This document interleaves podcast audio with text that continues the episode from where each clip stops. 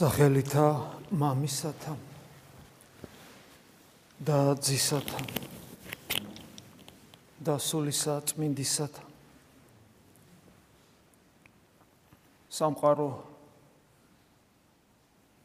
ყოფიერება სიцоცხლე ადამიანი ეს ყველაფერი არსებობს. ჩვენ კითხვაზე თუ რატომ არსებობს პასუხი გვაქვს. ღმერთმა შექმნა. ვისაც ღმერთი არასწამს, მათ ამაზე პასუხი არ აქვთ. უამრავი თეორია არსებობს, მაგრამ გამოკვეთილი პასუხი არ აქვთ. ჩვენ გვაქვს ეს პასუხი.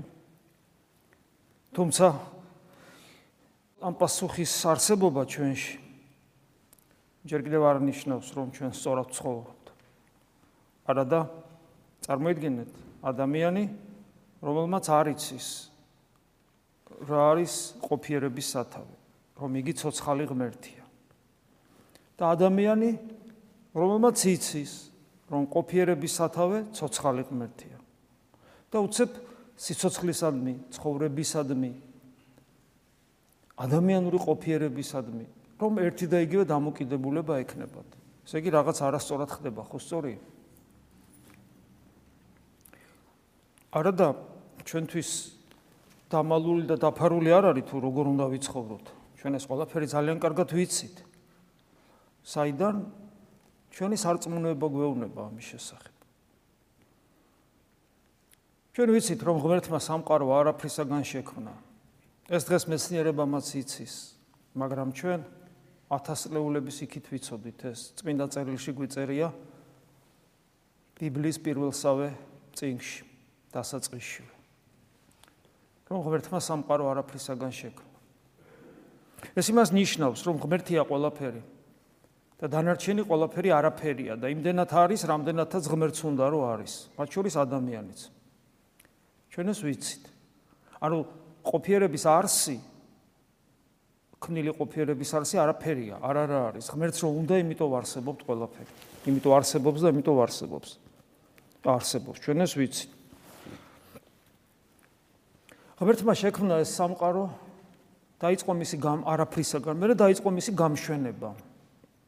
პირველი განსაცვიფრებელი ყოფიერება სამყაროში მატერია იყო სინათლე. და დაიწყო მოწესრიგება ღმერთმა ამ სამყაროს. ყველაფერი ძალიან ლამაზად არის შექმნილი. კოსმოსი იმითო ქვია, მშვენიერება ქვია. მშვენიერია ყველაფერი. არა მარტო კანონზომიერია, არამედ მშვენიერია.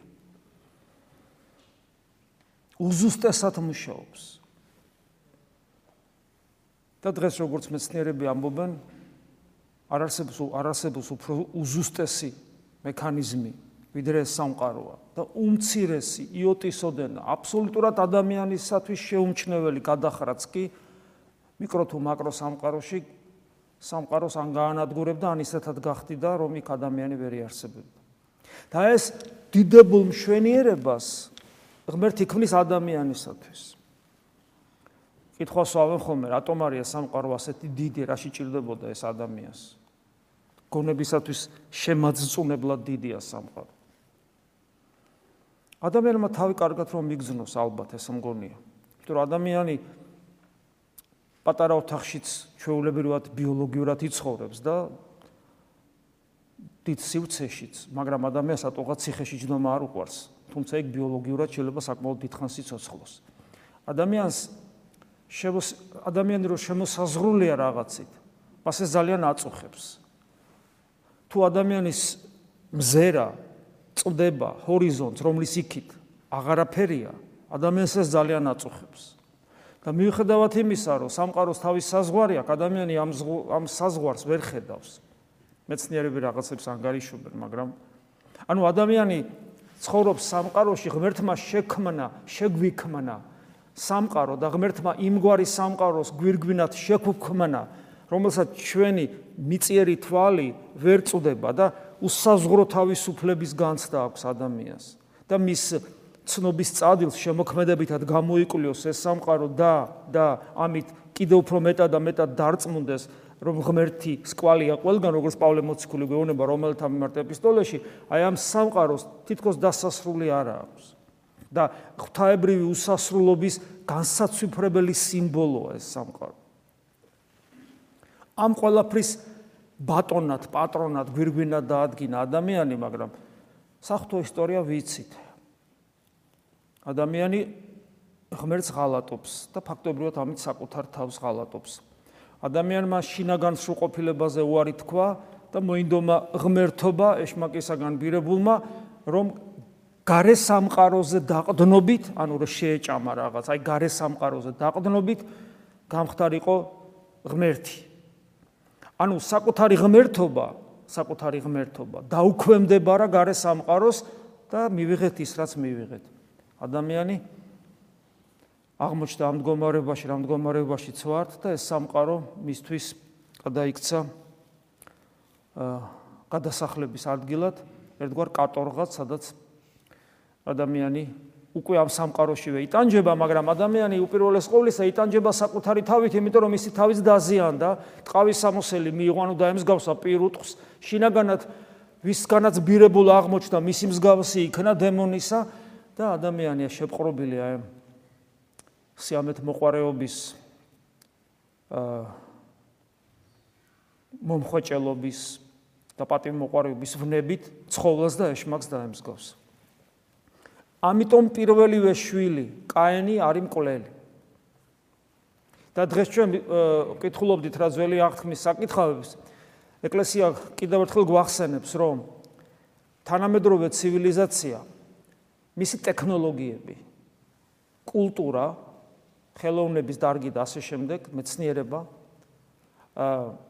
სოფლის მეურნეობა, ეს ყველაფერი არის კაენისტური ცივილიზაციის ناقოფი. ეს ხაზგასმული იყო. და მკვლელი არა მარტო კაენია, არამედ აიგე ლამექიც მკვლელია და საერთოდ მკვლელების მოდგმა წარმოიშვა, რომელმაც შექმნა ის ცივილიზაცია, რომელშიც ჩვენ ვიმყოფები და ეს დღევანდელ საკითხავში მე შეგიძლიათ კიდევ ერთხელ გადახედოთ, კალენდრის მიხედვით და აღმოაჩენთ, რომ აი ის, რასაც კაცობრიობის ცივილიზაცია ქვია, კაენისტურ მოდგმაში წარმოიშვა. და თითოეულ ჩვენგანში არის კაენის სისხლი. ესეც წმინდა წამასაც გვამცნობს წმინდა წერილი. ეს ნიშნავს იმას, აი როგორ უმიზეზოთაც შეიძულა კაენმა აბელი, იმავე უმიზეზოთ ჩვენ არ გვიყვარს ერთმანეთი და ხშირად გძულს ერთმანეთი და მეტიც მეცაც ვიტყვით. დაზიანებული ბუნებისათვის მეორე ბუნებად ლამის ონტოლოგიურ არსად ანუ არსად უფრო სწორედ არსად ეს ტავტოლოგია გამოგვივიდა არსად იქცა ის რომ ჩვენ ერთმანეთი ხო ცუდად ჭრის ყურს მაგრამ გვძულს. იმიტომ რომ ეგოიზმს სიყვარულის უნარი არ აქვს. და იქ სადაც სიყვარულის დეფიციტია რამდენადაც სიყვარულის დეფიციტია, ამდენად სიძულვილია. სადაც სინათლის დეფიციტია, იქ სიბნელე მატულობს და აბსოლუტურ დეფიციტში აბსოლუტური სიბნელეა. ცოტათი სინათლე როა, სიბნელე ცოტათი მარცხდება და ასე შემდეგ. და ჩვენ მადლობა ღმერთს ახლა თლად არც ეშმაკები ვარ და არც ცხოველები, ჩვენში ღვთის ხატობა და მსგავსება შენარჩუნებული, ამიტომ ჩვენ თლიანად მოკლებული სიყვარულის უნარს არა ვართ, მაგრამ ეს სიყვარული იმდენად იმდენად უმნიშვნელოა, რომ ხშირად ცხოველიც გჯობია ხოლმე ერთგულებასა და სიყვარულში. ამიტომ ჩვენ სიყვარულს მუდამ თან ახლავს საწინააღმდეგო სიყვარულისა, ანუ სიძულვილი. ამიტომაც არის გაუთავებელი გაუთავებელი ბრძოლა ადამიანთა შორის ეს იქნება ოჯახური მცირე ბატალიები თუ სამყაროს გლობალური კატასტროფები, რომელსაც ომები ქვია, ისი მომსწრენის ჩვენ დღეს ვართ. ომები, რომელიც არც პირველია რაც ხდება და არც უკანასკნელი სამწუხაროდ ეს უბრალოდ საკუთარი ინტელექტუალური განვითარებით მოხიბლულ კაცობრიობას მე-19 საუკუნის ბოლოს ეგონა რომ მე-20 საუკუნე საერთოდ ომების გარეშე იარსებებდა, მაგრამ მე-20 საუკუნეში ისეთი ომები იყო, რომელიც არათუ მე-19 საუკუნეს, არამედ თელ კაცობრიობას არ დასიზვრებია და აი 21 საუკუნეც ომებით არის დაწყებული. და ეს არ არის პირველი ომი, რაც ჩვენ ხშირად აღმოსავლეთში ქვემოთ იმათ ხშირად ადამიანებათაც არ ავთვლით ხოლმე და აღმოსავლეთში ბაბა მე-20 საუკუნის და 21 საუკუნის დასაწყისში რა რა ომები იყო აღმოსავლეთში. როგორი ომები იყო, როგორი სისასტიკეები იყო, როგორი დევნა იყო ქრისტიანების, თავებს როგორ კვეთდნენ, აჭრიდნენ, როგორ ხოცავდნენ ერთმანეთს ადამიანები, ეხლა ამან და ჩვენ ფიქრობდით, რომ ეს ჩვენთან არ მოვა, აი მოვიდა უკვე ევროპაში. კაცმარიცის რა იქნება ხვალ. მაგრამ აი ეს, ეს არის ადამიანის დაცემული ბუნების მდგომარეობის თითქოს და ბუნებრივი მდგომარეობა. ხშირად ვამბობთ ხოლმე, დედამიწა წუხს აი როგორც პავლე მოციქული ამბობს, თელი ამბობს თელი ქმნილება კვნესის, ელმის, ანუ ტკივა, თელ ქმნილებას ტკივა, ცხოველებსაც, ქვებსაც ტკივად. მოდი ესე ვთქვათ, რამდენად კიდე პოეტურად ნათქვამია კაცმა არიცის ეს ანუ პავლე მოციქული არ ამბობს რომ პოეტურად ვამბობ. პავლე მოციქული ამბობს რომ თელი სამყარო იტანჯება და გამოხსნას მოელის და ეს ადამიანზეა დამოკიდებული. და აი ეს ეს შინაგანი ეს მოწამლა მოწამლულია მთელი სამყარო ზირმაგარების სახით ვლინდება და ეს ზირმაგარა ხან ცუნამია ხან მიწისძვრა ხან ესე იგი დაავადებებია და ხან ომია და ასე შემდეგ და ბოლოს ბოლოს ეს ძირმაგარა მომწიფდება, მომწიფდება, მომწიფდება და გამოიღებს ناყოფად ანტიქრისტეს. ერთხელ ისე მომწიფდა, რომ გამოიღო ناყოფად ღმერთის მკვლელობა.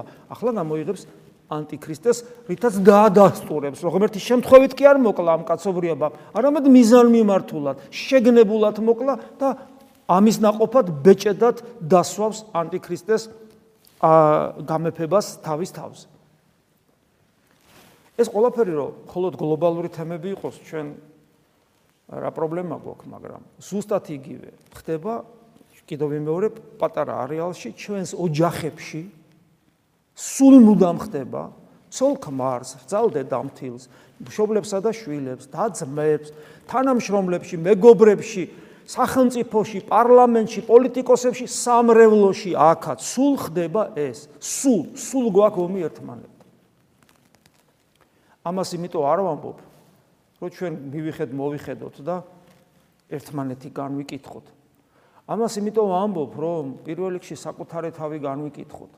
ადამიანი, რომელიც საკუთარი ცოდვების ხედვას იწყებს, მერე იწყება მისი ქრისტიანობა. არა მაშინ, როცა ის დოგმატების აღიარებით მოხიბლულია და გარეგნული ეკლესიურ ჩვევებს იძენს. მაშინ არ ხდება ადამიანი ქრისტიანი. მაშინ ადამიანი უბრალოდ რელიგიური ხდება და უბრალოდ მისმა ინტელექტუალურმა შესაძლებლობებმა თუ მისმა მისმა ესთეტიკამ მოიწონა მართლმადიდებლური ღვთისმეტყველება და გახდა მართლმადიდებელი ქრისტიანი. ამას ხელი შეუწყო ამ შემთხვევაში საქართველოსი ქართულმა კულტურამაც. მაგრამ ის რომ ჩემი ესთეტიკა დაემთხვა ქრისტიანულ ესთეტიკას და მე ავირჩიე მართლმადიდებლობა და მომწონს ქრისტიანული ღვთისმეტყველება სულაც არ ნიშნავს რომ მე ქრისტიანი ვარ. ქრისტიანობა იწყება მაშინ კიდევ ვიმეორებ, როცა ადამიანი იწყებს საკუთარი თავის ხედავს და იმ ჯოჯოხეთს, რაზეც ჩვენ საუბრობდით, საკუთარ თავში აღმოაჩენს. ეს ჯოჯოხეთის ხედვა იმიტომ ხდება, იმიტომ კი არ ხდება, რომ ადამიანი ინტელექტით ხედავს საკუთარ თავს. არა, ესე არ ხდება. ამის მაგალითი ჩვენც ვართ თითოეული ჩვენგანის და საერთოდ კაცობრიობის დიდი ადამიანების, რომლებიც იყვნენ ძალიან ხშირად ძალიან ინტელექტუალები, მაგრამ საკუთარი თავი მხოლოდ მოსწონდათ და ვერაფერს ვერ ხედავდნენ იქ ძალიან ცუდს.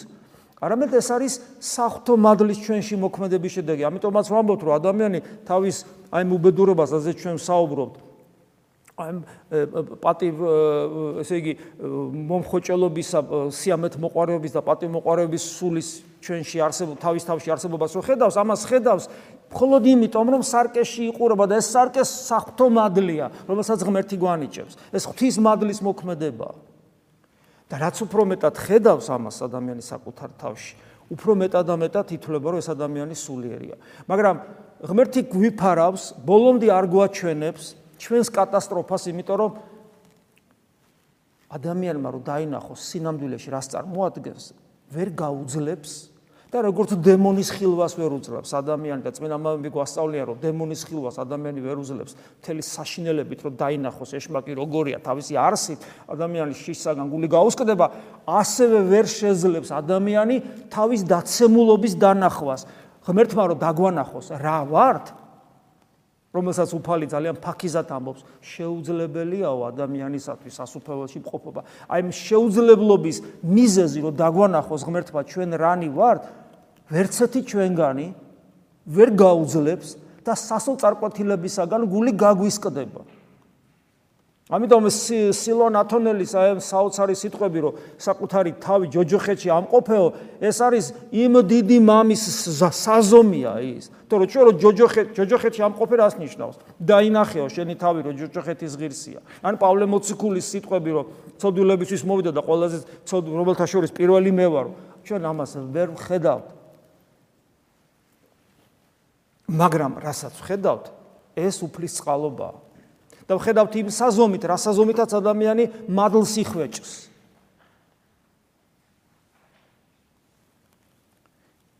და რაც მეტად იხვეჭს მადლს, ნაკლები პრეტენზიები აქვს. ნაკლები პრეტენზიები, იმიტომ რომ ვერაფერს ვერ უშვება ამ თავის ჯოჯოხეთს და რაც ნაკლები პრეტენზიები აქვს, მით ნაკლებად განიკითხავს. ჩვენ სანამ განვიკითხავთ, სანამ გამსჯით, სანამ ზემოდან უყურებთ, სანამ ემოციურად ვაფასებთ გლობალურ საკითხებს, ეს რა ხდება, კაცო, ა? ჩვენ აზზე არა ვართ, ჩვენ ვინა ვართ. და წარმოდგენა არა გვაქვს. ჩვენ გულში და სულში უარესია ვიდრე მთელი გლობალური ომი. ჩვენში მთლიანად ჯოჯოხეთია. ამას ვერ ხედავთ. და რაც მეტად ხედავს ადამიანი, მით კიდევ ვიმეორებ, ნაკლები პრეტენზიები აქვს. მით უმეტეს სხვების განსაკითხავად. საერთოდ ნელ-ნელა დაბრმავდება სხვისი ცოდვისათვის. და ნახეთ რა საოცრებაა. ღმერთი ნახე როგორ როგორ გვაცხოვნებს, როგორ გვაცხოვნებს. აი მაგალითად, ღმერთი არ გვეუბნება რომ ესე იგი ჩვენ აბსოლუტური წმინდები უნდა გავხდეთ და ამით ცხონდებით, არა? მოთმინებითა თქვენითა მოიპოვოთ სულნი თქვენ, მოითმინე. მათ შორის საკუთარი თავიც მოითმინე. არ განიკითხო და მეც არ განგიკითხავ. მიუტევე და მეც მოგიტევებ. ნახ სად არის აქ? წმინდანი გახდიო. არსად არ არის. ჩემგან ისწავლეთ რომ 7-დან დაბალი იყო, მაგრამ განგსჯირითი რომ არ განიკითხო, მიუტევო, მოითმინო. ადამიანი პატიმრობაში რო არის, კი არ გამოიხსენიო, უბრალოდ ინახულე. როშიაო, შენი ქონება კი არ გადაუფორმო, არამედ ცოტათი აჭამე. ანუ გეშე, ანუ ნახეთ რას გთხოვს. დედა და მამა კი არ გიყვარდესო, არამედ პატივი ეცი. გესმით? არაფერს არ გთხოვს ჩვენ, იმიტომ რომ იცის, რომ არაფრის მაქმისნი არა ვარ. ეს თუ არ ვიცით, ჩვენი ქრისტიანობა არ დაწყებულა. ეს თუ არ ვიცით, მაშინ რა ვიცი? მაშინ ვიცი ის, რომ აღსარებელი ვარ, მაზიარებელი ვარ, თეოლოგიურად განათლებული ვარ, ზნეობრივი ვარ, მართალი ვარ. ღირსეული ვარ. ყველაფერს სწორად ხედავ. თქვენ თქვენ ნაგვები ხართ ყველა. მე თქვენზე მეტი ვარ. ზემოდან გიყურებთ. აი ეს ემართება ადამიანს. ეს ემართება ადამიანს და ყველას გვემართება ეს ჩვენ. იმ საზომით, რა საზომითაც ჩვენ რაღაცა გონია საკუთარი თავი. სანამ აი მანქანა რომ მიდის და წითელი ტაბლოზე, მანქანის ტაბლოზე წითელი აინთება. ყვითელი თუ აინთება, გაფრთხილება და თუ წითელი აინთება, წესით მანქანა უნდა გააჩერო. რაღაცა პრობლემა აქვს. როგორც კი ჩვენში ძლიერად მოდის ეს განკითხვის იმპულსი, და სხვების განჯის იმპულსი წითელი გაკანთებული წითელი გაკანთებული და გამოფხიზლებაა საჭირო სასწრაფოდ რაღაცა პრობლემა გაქვს. და თუ დაცურდი ამ მიმართულებით ამ დაცურებას საზღვარი არა აქვს ჯოჯოხეთამდე ჩაგიყვანს. ისე რომ გონზე მოსვლასაც ვერ მოასწრებ. ვერც კი მიხვდები რომ ეშმაკის კერძი ხდები და მას ემსგავსები. მაგრამ როცა ადამიანი მეტაკლებად ცდილობს არ განიკითხოს არ განსაჯოს არ განსაჯოს განკითხვის გაგებით, თორე განჯისუნარი რო არ კონდეს ღმერთმა დაგვიფაროს. მიუტევოს და ასე შემდეგ. აკონტროლოს საკუთარ თავი, მადლი მოიხვეჭოს, სიმდაბლით, სიმშვიდით, გულმოწყალებით იცხოვროს. როცა ადამიანი ამას დაინა, ამას ცდილობს, ეს ნიშნავს, რომ ადამიანი ხედავს საკუთარ თავს. მაგრამ ეს საკუთარი თავი კიდევ ვიმეორებ, თუ უფალმა მადლი არ მოგაკლო, საშინელ სასოწარკვეთილებაში ჩაგაგდებს. სასოწარკვეთილების ზღვრამდე მიგიყვანს. აი სილვანათონელის ნაირი დიდი მამები სასოწარკვეთილების ზღვრამდე იდგნენ. რას ნიშნავს სასოწარკვეთილების ზღვარი? იმის იქით უფსკულია და თუ ჩავარდი, დამთავრდა. ჯოჯოხეთში ვარდები, აი აი ამ ზღვარზე მუშაობდნენ საკუთარ თავზე და იქ მადლი იფარავდა. ჩვენ ასეთი ასეთი ვაშკაცობა და ასეთი გმირობა არა გვაქვს და ასეთი მოწამეობრივი ღვაწლი რომ ჯოჯოხეთის პირასაც ქრისტე იდიდებოდეს შენ მიერ მაგრამ მაგრამ რაღაც დოზაზე რაღაც დონეზე ჩვენ უნდა გვაწუხებდეს ჩვენი დაცემული ბუნება იმდენად რომ სხვისი განკითხვის თავი არ გქონდეს და ხშირად ფიქრობდეთ კი მაგრამ ცხონდები მე. აი როცა მე სხვას განვიკითხავ შეხედე კაცო ეს ამ დროს მე რო შევტრიალდე და მე რომ აწუხებდეს რომ მე ვცხონ აი რომ მოუკვდე ახლა ვცხონდები. დამერწმუნეთ რომ თუ გექნება პასუხი რომ არ ვიცი ეს ნორმალური მდგომარეობა ხო ხდებით? აი რომ კითხე საკუთარ თავს ვცხონდები და უცებ შინაგანმა სამყარო რო გითხრას რომ ამ ამოიმღეროს. ვცხონდები აბა რაღაცო ხო ხდები რომ ცუდად ხარ. და როგორც კი შენ კითხავ საკუთარ თავს და გულწრფელად თუ გულწრფელად თუ გეტყვი შენი გული რომ ვაი არ ვიცი თუ არ იცი, სხვისთვის ხცალია. და ადამიანს უნდა აწუხებდეს პერიოდულად მაინც თუ ყოველთვის არ არო. აი მე ცხონდები, გეშინოდეს ხანდახან, უნდა ცხონდები თუ არ ცხონდები. და აი თუ ესეთი განწყობა ხშირად გაქვს, რომ გეშინია, გარდაცვალების სიკვდილის კი არ გეშინია, გარდაცვალების ღმერთთან წინ ღმერთის წინაშე წარსდგომის თუ გეშინია, ხანდახან მაინც და ეს ნიშნავს იმას, რომ მადლია შენში, ეს ნიშნავს იმას, რომ შენ სწორ გზაზე დგეხარ და იმ გზას იესო ქრისტე ქვია, ესე იგი შენ სწორად იღწვი და ცდილობ, რომ ამ უბედურებას თავი დააღწიო, მე რო კი აღმოაჩენ, რომ ამ უბედურებისაგან თავის დაღწევის უნარი არ გაქვს. არა მარტო ცხონების საკითხი დგას ეჭქვეშ, არამედ ამ მდგომარეობიდან როგორ განიკურნო, ამის შესაძლებლობებს ვერ ხედავ და კიდე უფრო მეტად გეშინი. აი ამ ყველაფრის გააზრების. მე აცნობიერებ ერთ ძალიან დიდ დიდებულებას. აი რაც ჩამოთვალე რაზეც ვისაუბრებ. ამისთვის ამისთვის ღმერთი რომელიც მათ სამყარო შექმნა რომელზეც თავიდან საუბრობდით აი შენიერი სამყარო ჩვენ რო გავაფუჭეთ ღმერთმა რომელმაც სამყარო შექმნა აი ყველაფერი ამ უბედურებისთვის რაც ჩვენ გვჭირს ამისთვის ღმერთი მოვიდა ჩვენთან ამისთვის მოვიდა ღმერთი ჩვენთან. და ჩვენი მისი ჩვენთან ერთობა ეს რაღაცა სპირიტუალური ის კი არ იყო რაღაცა რელიგიური რაღაც რელიგიური ცხოვრების ეს სპირიტუალური ხელს რო ვერ მოკიდებდა არი თუ არა ღმერთი არამედ მოვიდა ადამიანად და მისტიკურად საიდუმლოებრივად თავის ბუნება მომცა საჭმელად საჭმელი რას ნიშნავს? რაღაცა შემოდის ჩემში და ჩემი ხდება და უბრალოდ თქო, ჩემი ხდება და მე მისი ვხდები. ჩემი ხდება და მე მისი ვხდები. მომცა საჭმელად და რა მომცა საჭმელად? რა მომცა საჭმელად? ადამიანური ბუნება, განხთობილი ღმერთმა, ეს არის მისტიკა, საიდუმლოება, მისტიკურად, საიდუმლოებრივად. მომცა შეგზნებითად განცდის დონეზე შეხებითად მომცა თავისი ადამიანური ბუნება. რა არის ადამიანური ბუნება? ადამიანური ბუნება არის ქრისტეს ადამიანური ბუნება რა არის? ხორცი და სული ქრისტესი და გონება ქრისტესი და გული ქრისტესი და ნერვიული სისტემა ქრისტესი. ჩვენ გონება ქრისტესი გვაქვს, პავლე მოციქული ამბობს. როგორც ქრისტე ზრახვიდა ისე უნდა ზრახვიდეთ. ვისაც სული ქრისტესი არ აქვს, იგი არ არის მისი ჩვენ რომ ჭამ ქრისტეს ხორცს და სისხლს.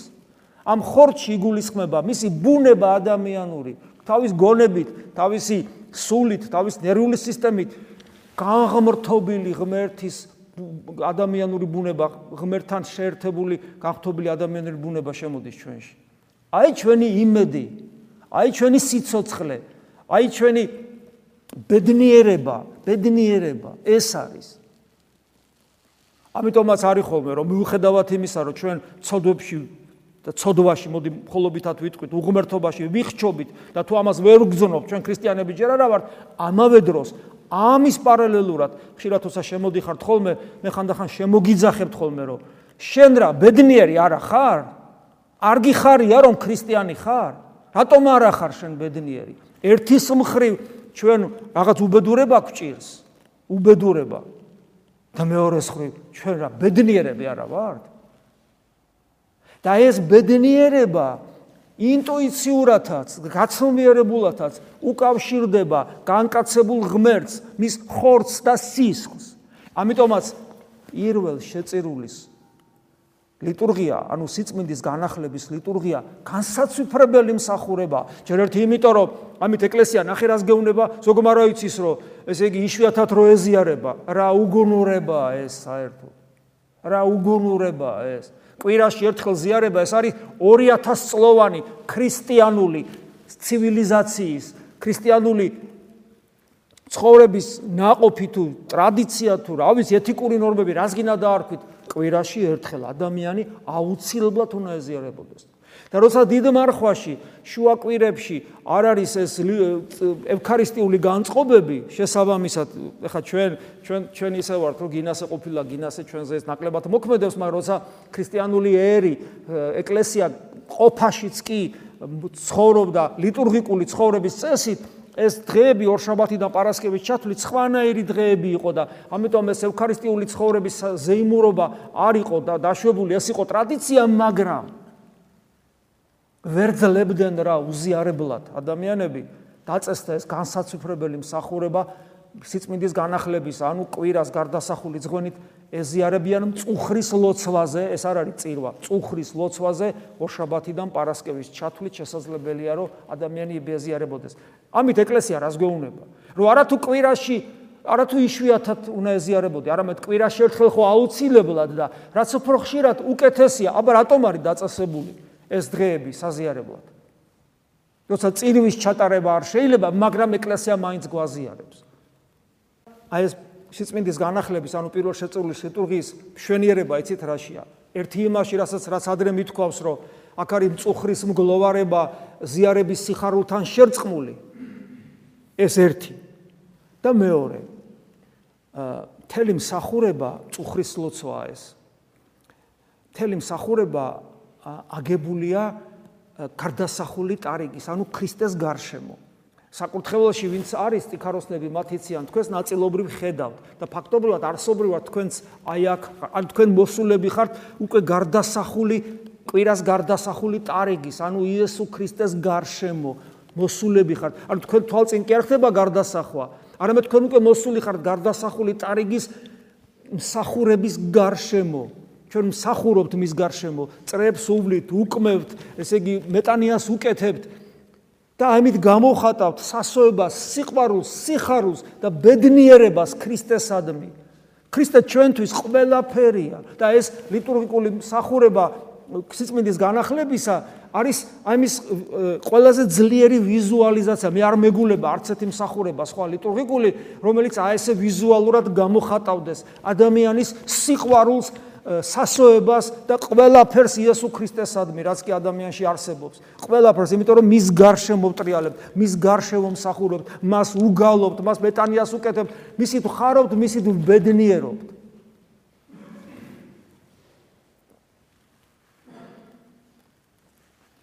და ჩვენ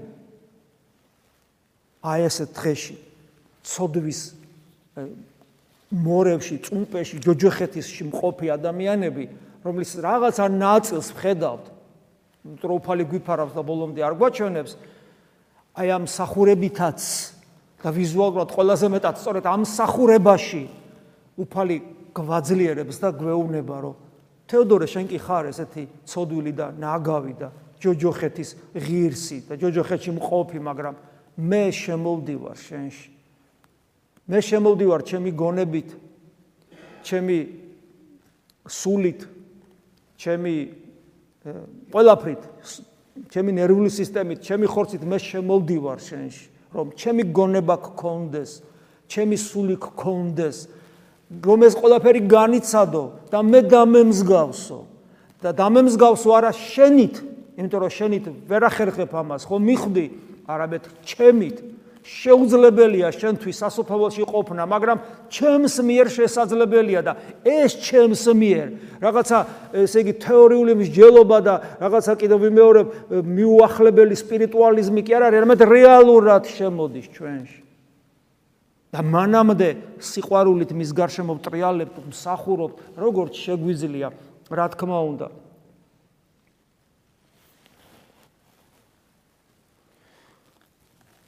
ვეცადოთ რომ ეს ყველაფერი გავიაზროთ და დავინახოთ. ნუ რა ვის ნუ განვიკითხავთ. ყოველას ყველაფერი მიუტევოთ. საკუთარი თავი რაიმე ნუ გონია. თუ რამე ღირსება, მხოლოდ ქრისტესია.